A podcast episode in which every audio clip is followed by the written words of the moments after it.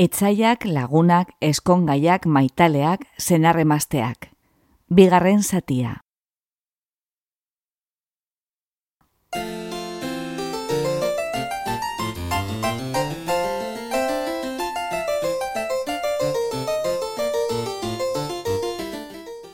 Gauzak lotzera noa zure altzariak albezain pronto trenez bidaltzeko zuri.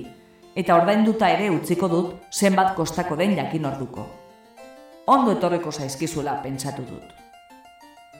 Imaginatzen dut, ez arela harrituko esaten badizut ara joatea pentsatu dudala. Ez dut uste inportako zaizunik, eta laguntzeko moduan egongo naiz horrela. Hori espero dut.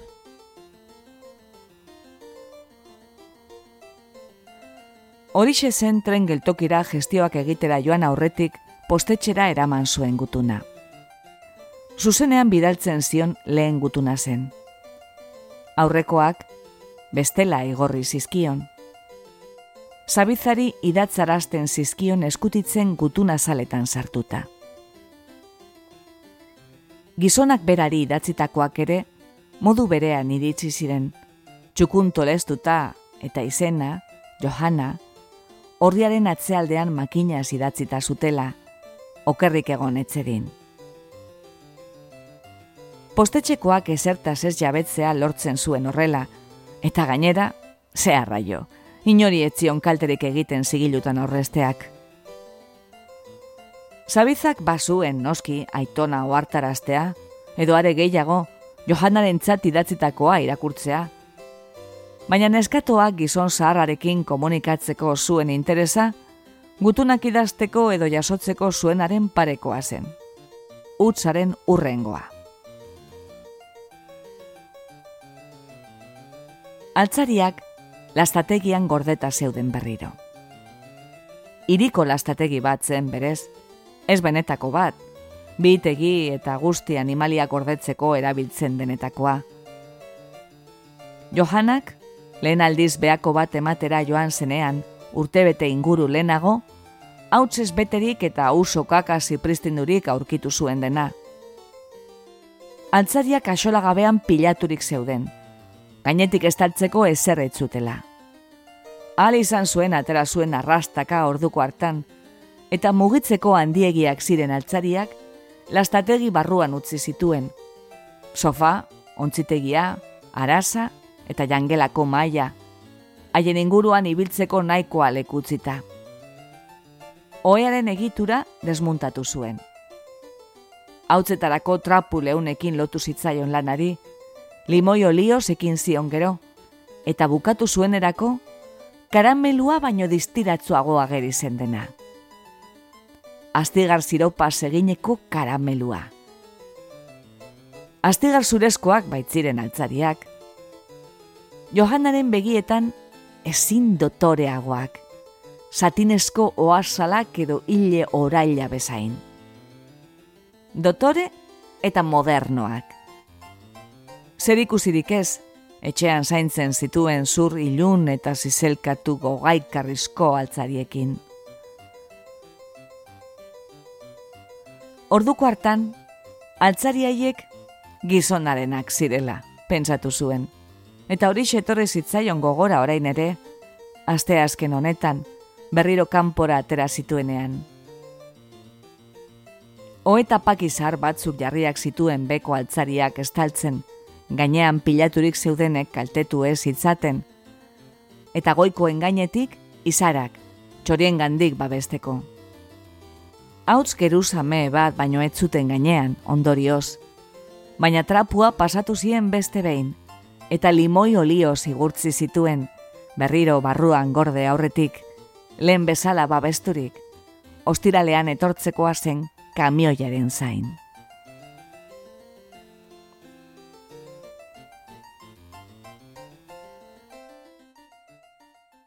Makoli jaun estimatua.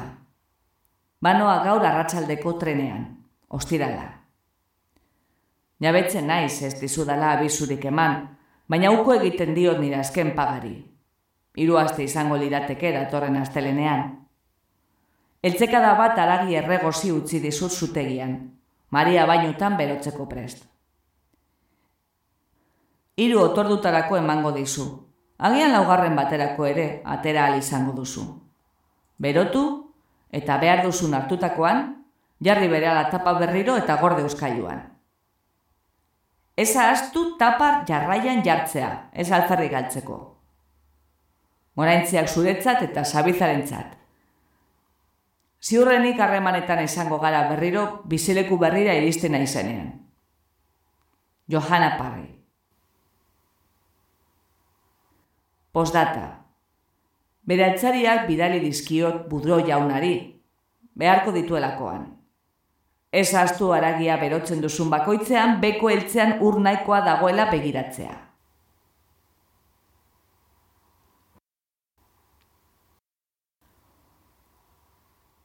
Makoli jaunari, ez itzaion askorik kostatu Johanak erosia zuen txartela, saskatxibuan erako zela jakitea.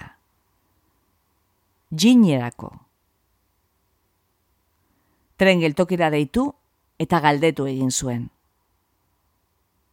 Ez zuen jake nola deskribatu Johana. Gazte, ala zahar itxura zuen.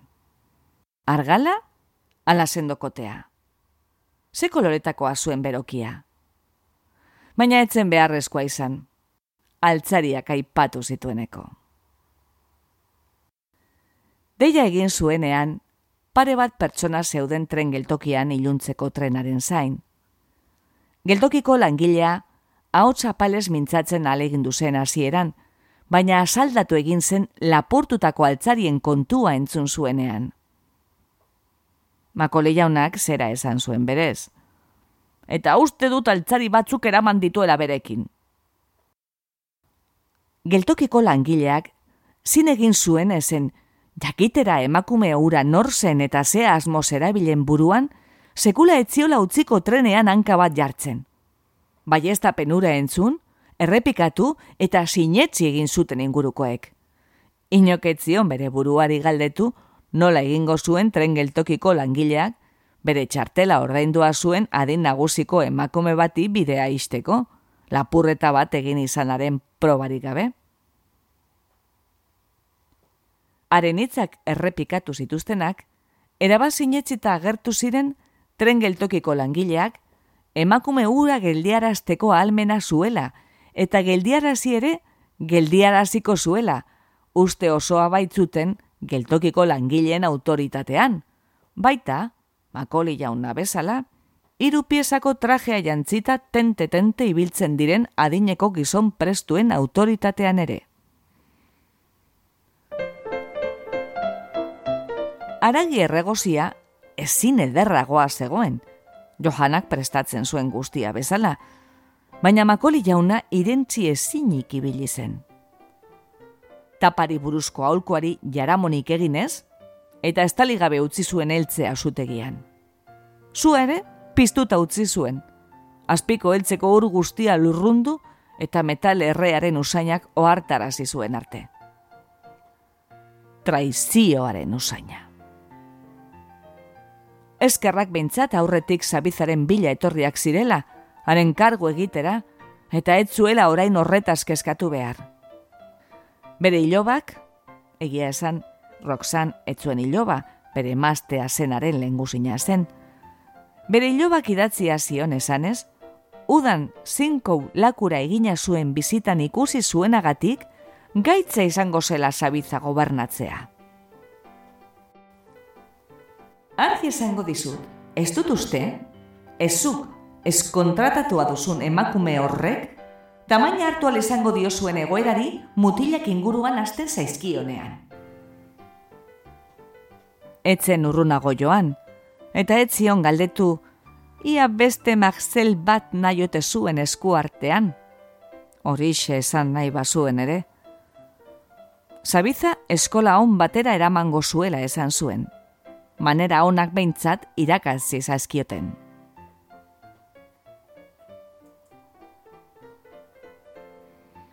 Makoli jaunak telebista piztu zuen arreta beste zerbaitetan jartzeko. Baina alferrik. Altzarien kontuak sumintzen zuen. Ken budrok sumintzen zuen. Gauza da, hiru egun lehenago, Johanak txartela erosi zuen egunean, hain zuzen, tren geltokiko elangileak azaldu berri zionez, Makoli jaunak, ken budroren gutun bat jaso zuela. Gutun hartan, zera galdetzen zion. A. Ia diru pixka bat aurreratuko zion, lastategian gorderik zeuden bere mazte hilaren, maxelen, eta bien altzarien truke. Edo, B. Ia basuen bestela berak, makule jaunak, altzariak saltzerik, alik eta gehien ateratzeko moduan, eta dirua lehen bailen saskatxiuanera bidaltzerik.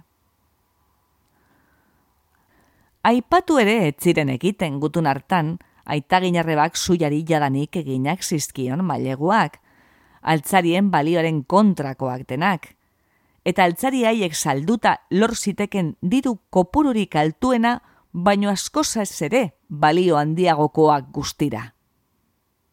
Antzi haute zuen hori guztia Ken Budrok?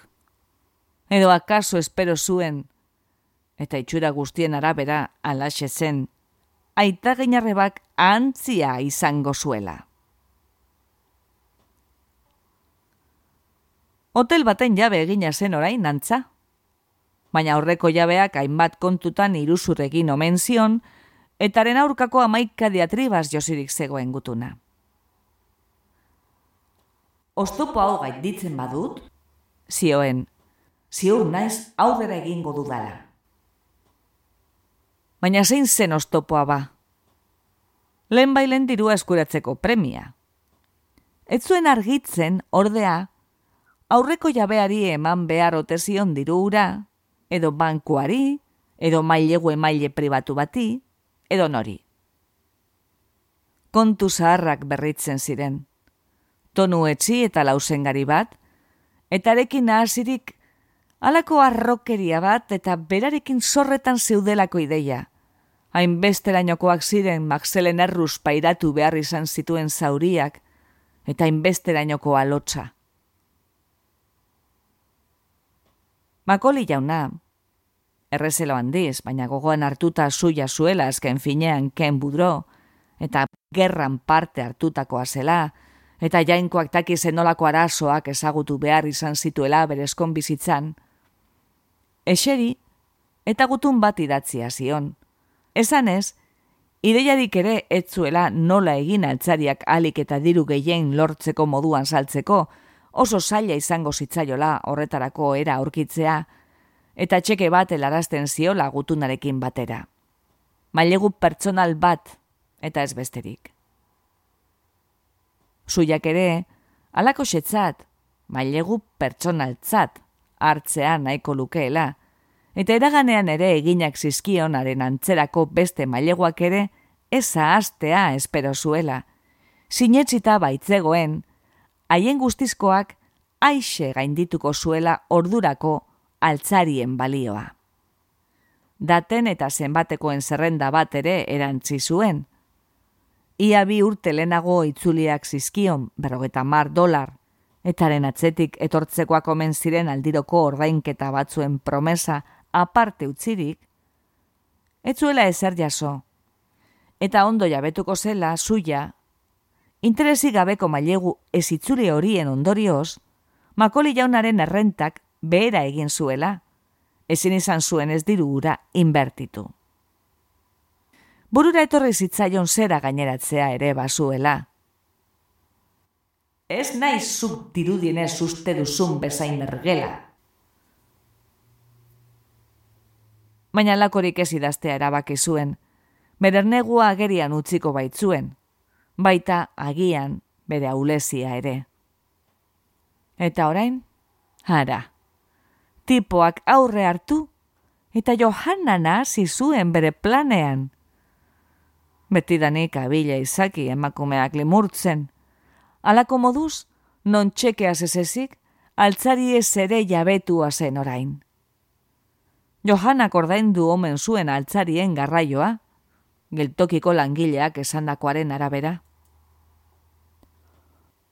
Luxu usteko astigar zurezko altzari moderno haiek, goitik baliostatu zituzten aurretik egindako tratuetan ja, eta ez zuten orain askorik lortuko haien truke.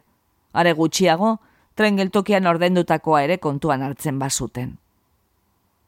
Argiago jokatu izan balute, etxeko zerbait hartuko zuten. Araza zarretariko bat, edo egongelako sofa dezeroso aietakoren bat, aurreko mendean egin eta erositako zerbait. Lapurreta utza zateken hori, noski, baina egin berri zutena ere etzen oso bestelakoa, azken batean. Kontua, hausitara eramateko erabaki irmo hartuta lotaratu zen.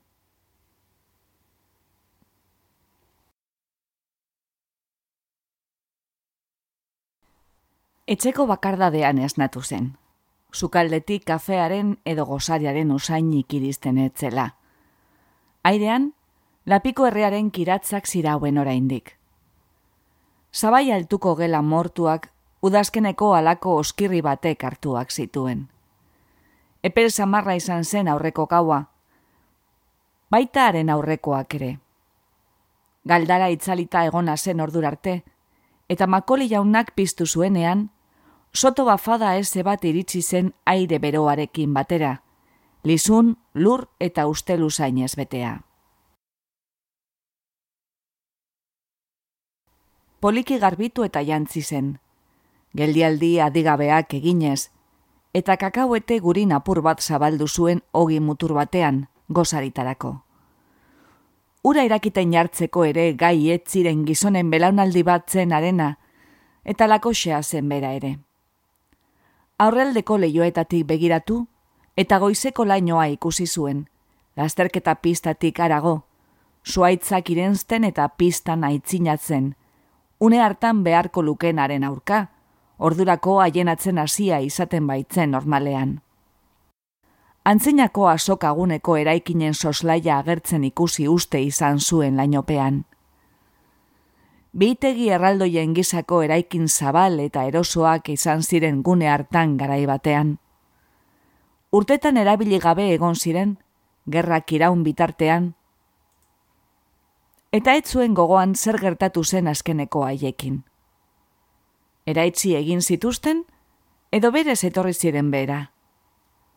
Gorroto zituen orain han egiten ziren lasterketak, udako igandetako jendetzak, bosgorailuak, legez kontrako edanaldiak eta zore gaiztoko izkanbilak.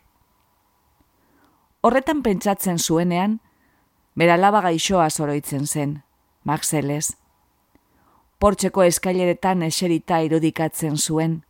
Ikaskide izan zituen mutil jadanik gizondutako ei deika. Haiek beren autoak aparkatu eta presaturik lasterketak ikustera abiatzen zirenean.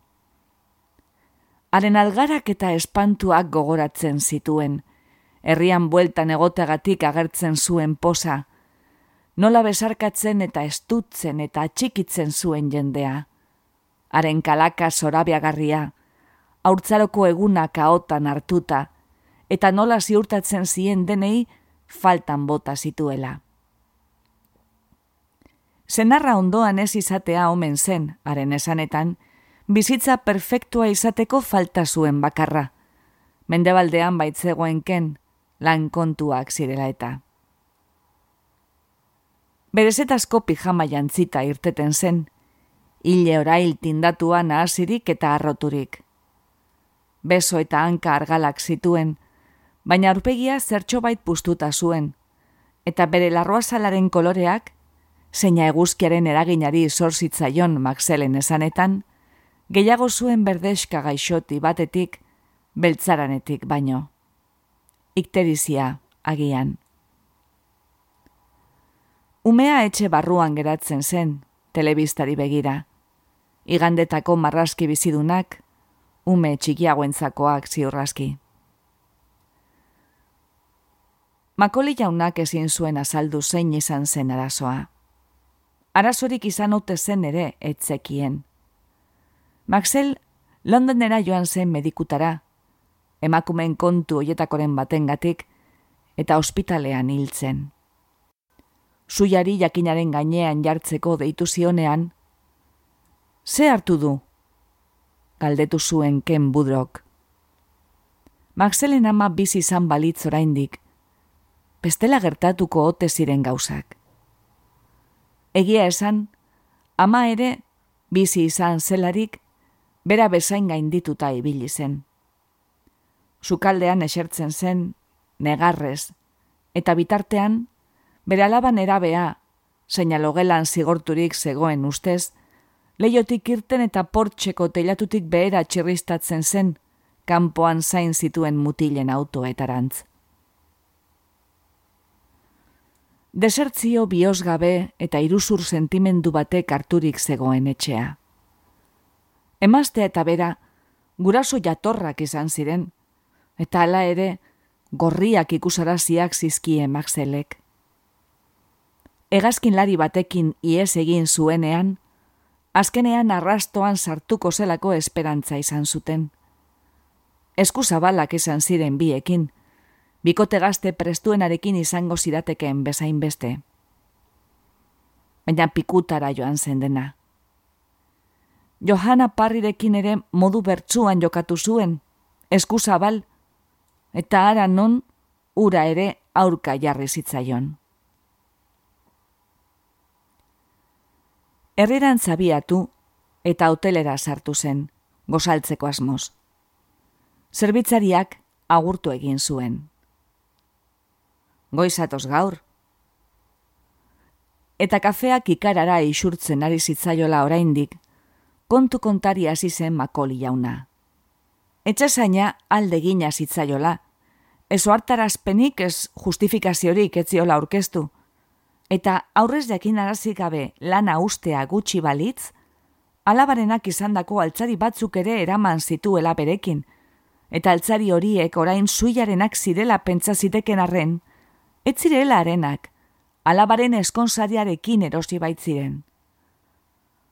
Alaba egazkin lari batekin eskondu zela kontatu zion, tipo guapo eta itxura honeko bat, baina mesa nagusira elkarrekin joateko ere fidatzekoa etzena. Barkatu jauna, eta zuen zerbitzariak. Gustuko dut berriketan jardutea, baina beste batzui ere atera behar diet gozaria, sentitzen dut. Bulegorainoko eskailerak ego zituen. Han, idaz maaian zabaldurik, mapa zar batzuk zeuden. Bezperan haiek aztertzen ibilea zen, konderriko lehen hilerria, zeina, bere kalkuloen arabera, mila sortziron eta hogeta meretzian utzi zuten bertan bera, kokatu nahian. Argia piztu eta eseri zen, baina ezin zuen arreta hartara bildu. Zerbitzariaren purrustadaren ostean, alako izan baitzenaren begietan, purrustada bat, ezin izan zuen gozaldu, ez kafeaz gozatu. Irten eta paseo bat egitea erabaki zuen lasaitzeko. Ala baina, hoi bezala jendea agurtuz eta honi eta besteari hitz gutxi batzuk eginez ibili beharrean, erretolika betean jardun zuen, barrenak usten. Baten batek zer modu zebilen galdetu orduko, han hasiko zitzaion, hoi ez bezala eta ausolotza sortzerainoko moduan ia bere pena kontatzen. Hoteleko zerbitzariak bezalaxe, egitekoak zituztela argudiatu zuten denek, eta baietz egin zuten buruaz, oinak lurrean urduri mugitzen zituzten bitartean, eta itzakiak jarri zizkioten alde egiteko. Etzirudien goizak udazkeneko goiz lainotzuetan oi bezala epelduko zuenik. Jantzirik zuen jakak nahikoa babesten etzuela eta dendetako berotasuna bilatu zuen. aspalditik ezagutzen zutenak ziren harrituenak. Gizon neurritzua izan oizen, manera honeko jaun bat, pentsaera beste garai batzuetan ainguratua zuena. Haren adeitasuna, dezenkusa jaio bat baino etzen, privilegio maila alako bat zuritzeko edo, naiz eta ironiatik ere bazuen horrek, privilegio ura, haren oroitzapenetan baino ez baitzen existitzen, eta beste inorentzat espaitzen agerikoa. Inoketzuen irudikatuko bere neigabeak airatzen eta errukia galdegiten. Ez zuen alakorik egin, emaztea hil zitzaionean, ez da alaba hil zitzaionean ere. Alabaina, han ari zen, gutunak erakusten eta denei galdetzen ezote zen lotxagarria, nola ibili zen morroiura beragandik dirua hartu eta hartu, eta ezote zen are lotxagarriagoa orain, erruki apur bat beste behin erakutsi ziola baliatuta, nola nahasi zuen etxesaina ere altzariak lapurtzeko. Baten batek beraren altzari ez ari zela pentsatu zuen, eta gizon zaharra ezoerik ez aukirik etzuela utzi zutela ulartu zuen. Poliziari abizu ematea aholkatu zioten. Zertarako baina, zertarako, esan zuen. Arri batetik ezin odolatera. Zapata konpontzailaren dendan sartu, eta Herman Schultz agurtu zuen. Gogoan aldituzu nire bota haiek, sola berriak jarri zenizkienak? Ingalaterran erosin ituen. Duela lauspa bosturte konpondu zenizkidan. Dendak, kobasulo bat ematen zuen. Han eta hemen, pantailadun bonbilak ageri ziren zintzilik, lan mailak argistatzen. Gaizki egurasturik zegoen lekua, baina hango gizon usainak, kola, larru eta betun usainak, feltrosko sola ebaki berriena eta zahar ustelduena, atseginak zitzaizkion makoli jaunari. Han egoten zen bere bizilaguna, Herman Schultz, langile trebea, bere betaurreko, azal horista eta bizkar konkortuarekin. Sasoi oro lanean, hiltzeak josten eta errematxeak egiten, eta kakodu naiztu beldurgarri batez, nahierako larru txatalak mosten. Feltroa ebakitzeko, zerra biribil txiki bat erabiltzen zuen. Baietek, arramaska hotza egiten zuten, lispaper gurpilak, garraska, esmedilarriak, intsektu mekaniko baten ahotz soliaz kantatzen zuen tresnen ahoaren kontra, eta josteko makinak erritmo serioz eta industrial batean zulatzen zuen larrua. Makoli jaunari aspalditik ezagunak zitzaizkion leku hartako soinu, usain eta mugimendu zehaz guztiak, baina sekula lehenago etzien orduan bezala erreparatu eta harreta jarri. Une hartan, Hermanek, bere larruzko amantal bestua jantzita, esku batean bota bat zuela, bizkarra tentetu irribarre egin, eta baiezkoa egin zuen buruaz. Eta makoli jaunak, gizonaren bizitza osoa ikusi zuen kobasulu hartan. Begekotasuna edo mira edo ulertu ezin zuen beste zerbait adierazi nahi izan zion. Gogoan ditu, pai, esan zuen Hermanek. Bota ederrak ziren haiek. Oso onak, kontatu nizun eskon bidaian erosin ituela? Ingalaterran. Ez dut gogoratzen non zehazki, baina badakit etzela Londresen. Kontatu zenidan bai, gogoan dut. Lan ona egin zenuen botaiekin, primeran daude oraindik. Lan bikaina, Herman. Langile fina zara. Lan nona egiten duzu hemen. Eskerrik asko. Hermanek begirada askar bat bota zion eskuan zuen botari. Makoli jaunak bazikien gizonak lanera bueltatu nahi zuela. Etzion utziko ordea. Uste kabe handi bat izan dut. Sartako latza. Abai? Gizon zaharrak gutuna atera eta pasarteak irakurtzeari ekin zion, osenki.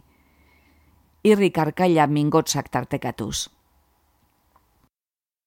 Bronkitiza. Bronkitiza duela dio. Ez omen daki nora jo. Ez dakit noren gana jo. Ondo baino beto jakiten du ba, noren gana jo. Besta aukera guztiak agortu dituenean, ni gana. Eunka gutxi batzuk baino ez, aurrera egin arte. Erreguka eta eskean etortzen zait, eta bitarte honetan guztian nire txasainarekin elkar hartuta egonda. Baltzenekin hori. Altzari mordo bat lapurtu dizkite txasainak, eta mande baldera joan da haiek hartuta. Burua bat eginda zeuden biak. Zenbat aldiz ez nizkion ba, babak eltzetik aterako gizon horri. Behin eta berriro eta txakur txikirik ere ez dizekula itzuli. Tira, egia esan behar badut, berrogeita mar dolar bueltatu zizkidan behin. Berrogeita mar, eunka eta eunka dolarretik, milaka dolarretik. Gerra garaian, aireko armadan ibili zen. Baltzenekien, haren moduko tipo purtzilasko ibili ziren aireko armadan. Tropelka, han ibiltzen ziren oilarrak baino arroago, gerrako eroiak zirelakoak eiten. Tira, badakite nukela horrelakorik esan behar, baina nire iritzia da tipoietako batzuk alferrik alturik itzuli zirela gerratik. Ezin izan ziren bizitzara egokitu ondoren. Baina hori ez da nahikoa haren portaera zuritzeko. Ez alzaizu iruditzen? Ezin dut gerraren aitzakian behin eta berriro desenkusatu ezin duzu ez. Ezagutu nuen unetik beretik jakin nuen tipo ura etzela fidatzekoa. Hori darri garriena. Konturatuta ere, niri iruzur egiten utzi dio dala. Pertsona batzuekin horrela izaten da. Errokitu egiten zara haietaz, horrexegatik hain justu. Txakur galduak direlako. Lanpostu bat lortu niona seguru etxe batean nire kontaktu batzuen bitartez. Eta han ere, egin zuen egitekoa. Zagar ustel bat. Batzuk horrelakoak izaten dira ba. Arrazoi duzu. Schultz Andrea, ez zegoen dendan egun hartan. Normalean, erakus mailan egoten zen. Zapatak hartu eta senarrari erakusten, gizonak esandakoa helarazten bezeroari, albaranak prestatzen, eta ben bezeroak zapata konponduta jasotzen zituenean, diruak kobratzen. Udan, ebakuntzaren bat egina ziotela gogoratu zuen makoli jaunak. Zure maztea ez dago gaur? Ondo dago? Gaur atzaren hartzen geratzea erabaki du. Alabarekin nago. Herman Schultzek, zapata konponduak ageri ziren apalategirantz keino egin zuen buruaz, salmaiaren eskuinalderantz. Makoli jaunak, burua giratu eta idiz ikusi zuen, alaba. Ordurarte etzen ohartu zela. Neska argal eta ume itxurako bat zen, hile beltz lisokoa. Zapatak berrantolatzen ari zen, berari bizkarra erakutsiz. Zabizari bisita egitera etxera etortzen zitzaienean bezalaxe, begien biztatik itzuri zibiltzen zela ematen baitzuen beti. Ezinezkoa izaten zen neskaren aurpegia aurrez aurre ikustea. Aitari laguntzen geratu zara gaur? Esan zuen makoli jaunak. Etxara eskolara joan? Gaur larun bata da. Esan zuen edizek erdizka buelta eman eta irribarre txiki bat eginez. Ah, alaxe da, bai. Nola nahi ere, gauza ona da aitari laguntzea. Zaindu egin behar dituzu gurasoak. Gogotik lan egin dute, eta persona onak dira. Dezenkusa airearin batez, zermolari jokatzen ari zela oartuko balitz bezala, makoli jaunak esan zuen. Horatu aitamak, luzaro bizi zaitezen. Jaunak, zeure jainkoak ematen dizun, edizek zerbait esan zuena apeka. Gizonak esentzuteko moduan. Zapatagilaren dendan, esan zuen. Naikoa entretenitu zaituztet ja. Ez dizuet denbora gehiago lapurtu nahi. Esan zuen makoli jaunak tristeziaz lana duzu egiteko. Utzi sarkasmokeriak beste baterako. Esan zuen edizen aitak, gizon zaharrak aldegindakoan.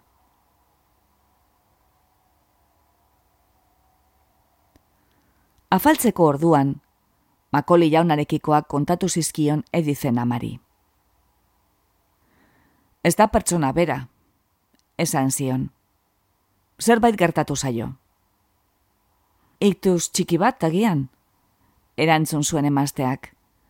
Ebakuntza egin ziotenetik, behasun bat, erudizio handiz eta alako konplazentzia bare batez mintzo zen besteen ajeez. Zabiza joana zen. Betidanik haren esperoan izan zen beste bizimodu bat egitera antza, eta ediz, orain, zabizarekin ekartu baino lehenagokoa zen berriro ere. Bera dinerako heldua, arduratsua, kritikoa. Hiru aste baino ez ziren institutoan hasia zela, eta ordurako konturatuta zegoen bikain arituko zela ikasgai berri guztietan. Latina, algebra, ingeles literatura uste osoa zuen beradimena aitortua eta goraipatua izango zela, eta etorkizun garrantzitsua zabaltzen ari zitzaiola aurrean. Zabizaren ondoan igarotako aurreko urteko txepelkeria guztia, begian biztatik haienatzen ari zitzaion. Johanak mendebaldera aldegin zuela gogoan hartzen zuen bakoitzean ordea, iraganeko oskirri bat sentitzen zuen, alarma inbaditzaile alako bat. Pentsamendu ura itotzen saiatzen zen, baina ez zuen luzaroan lortzen. Arrikoa egiten bukatu bezain laster, bere gelara joan zen, literatura eskolarako agindua hasieten liburua eskuetan hartuta. David Copperfield Umetan, gurasoen gandik herrieta epelen bat jasotakoa zen, besterik ez. Gurasoak zaharrak ziren adin horretako alaba bat izateko, eta horrek espikatzen omen zuen eskatoa zen modukoa izatea. Eta, hala ere, guztiz bat egiten zuen Davidekin eta haren zoritxarreko egoerarekin. Bera bezalakoa sentitzen zen, ia umezurtza ere bai. Azken batean, laster ez egin beharko zuen, eskutatzera, eta bere kabuz moldatzen ikasi beharko zuen, egia osoa azalera atera eta iragana bere etorkizuna ostopatzera agertuko zenean.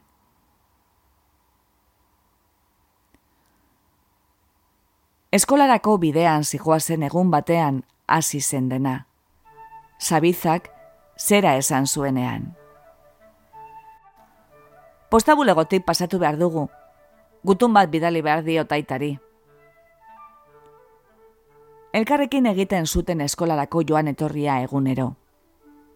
Batzuetan, begiak itxita egiten zuten bidearen zati bat, edo atzeran zoinez.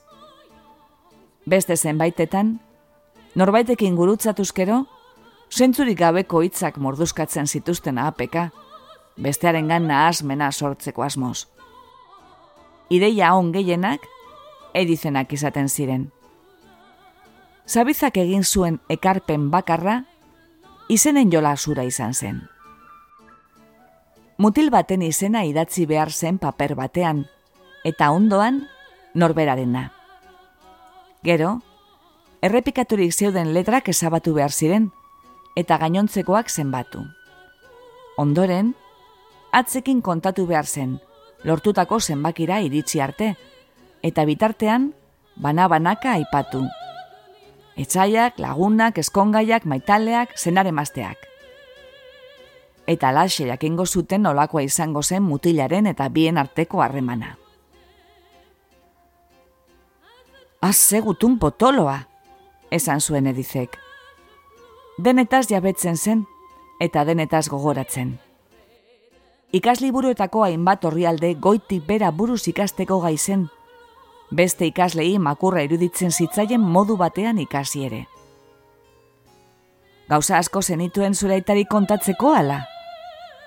Galdetu zuen, harrituta, ezin baitzuen sinetzi ala zenik, edo ez behintzat, sabizak, kontatzeko hainbeste izanik ere, paperean jarriko zuenik. Horri bat baino ez diot idatzi. Erantzun zuen zabizak, gutuna zala astatuz. Mhm, esan zuen edizek. Mhm, mhm, zer. Emakume horrek sartuko zuen zerbait. Johanak. Eta ondorioz, ez zuten zuzenean posta bulegora eraman gutuna. Gorde, eta edizen etxean ireki zuten, lurruna baliatuz, eskolatik bueltan. Edizen etxean horrelako gauzak egin zitzaketen, haren amak egun osoa pasatzen baitzuen zapatak konpontzeko dendan, lanean.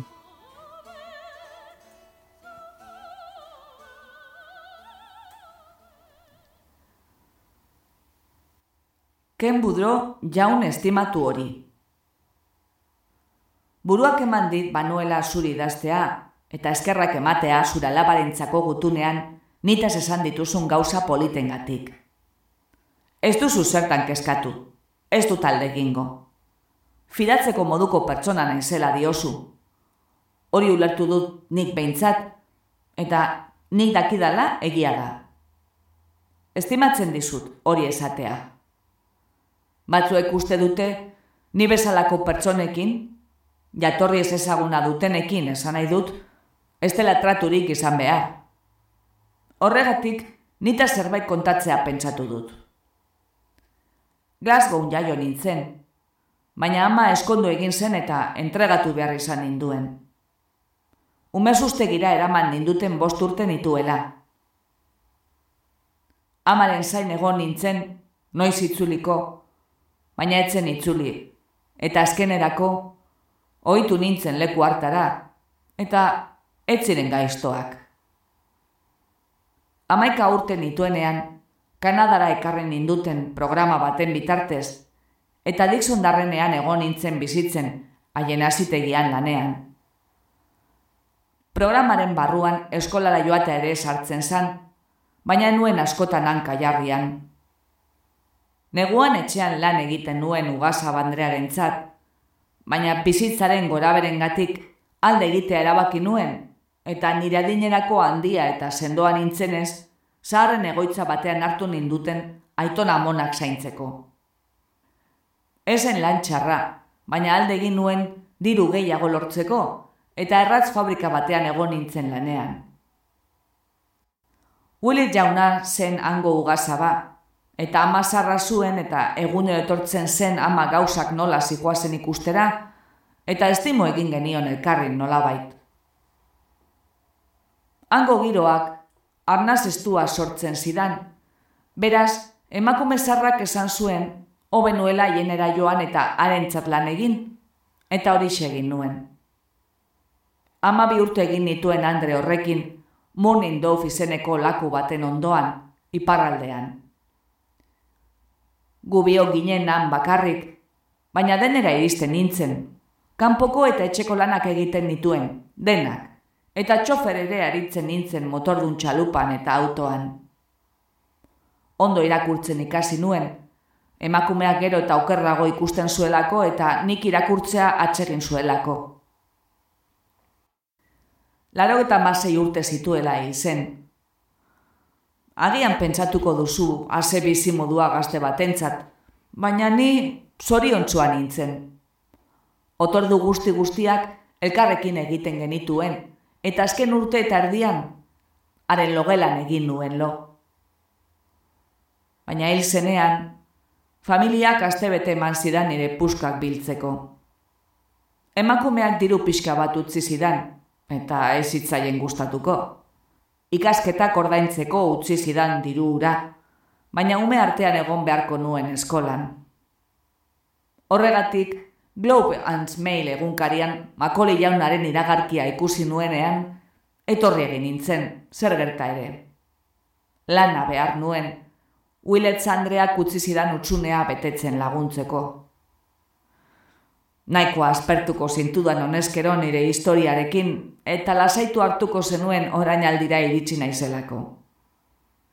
Eskerrik asko zure iritzi onagatik eta feriara eramateagatik. Enaiz ni barraketan ibiltzea edo litxarreriak jatea gustatzen zaien horietakoa, baina plazer handia izan zen niretzat zuen artera gonbidatua izatea. Zure laguna, Johanna Parri.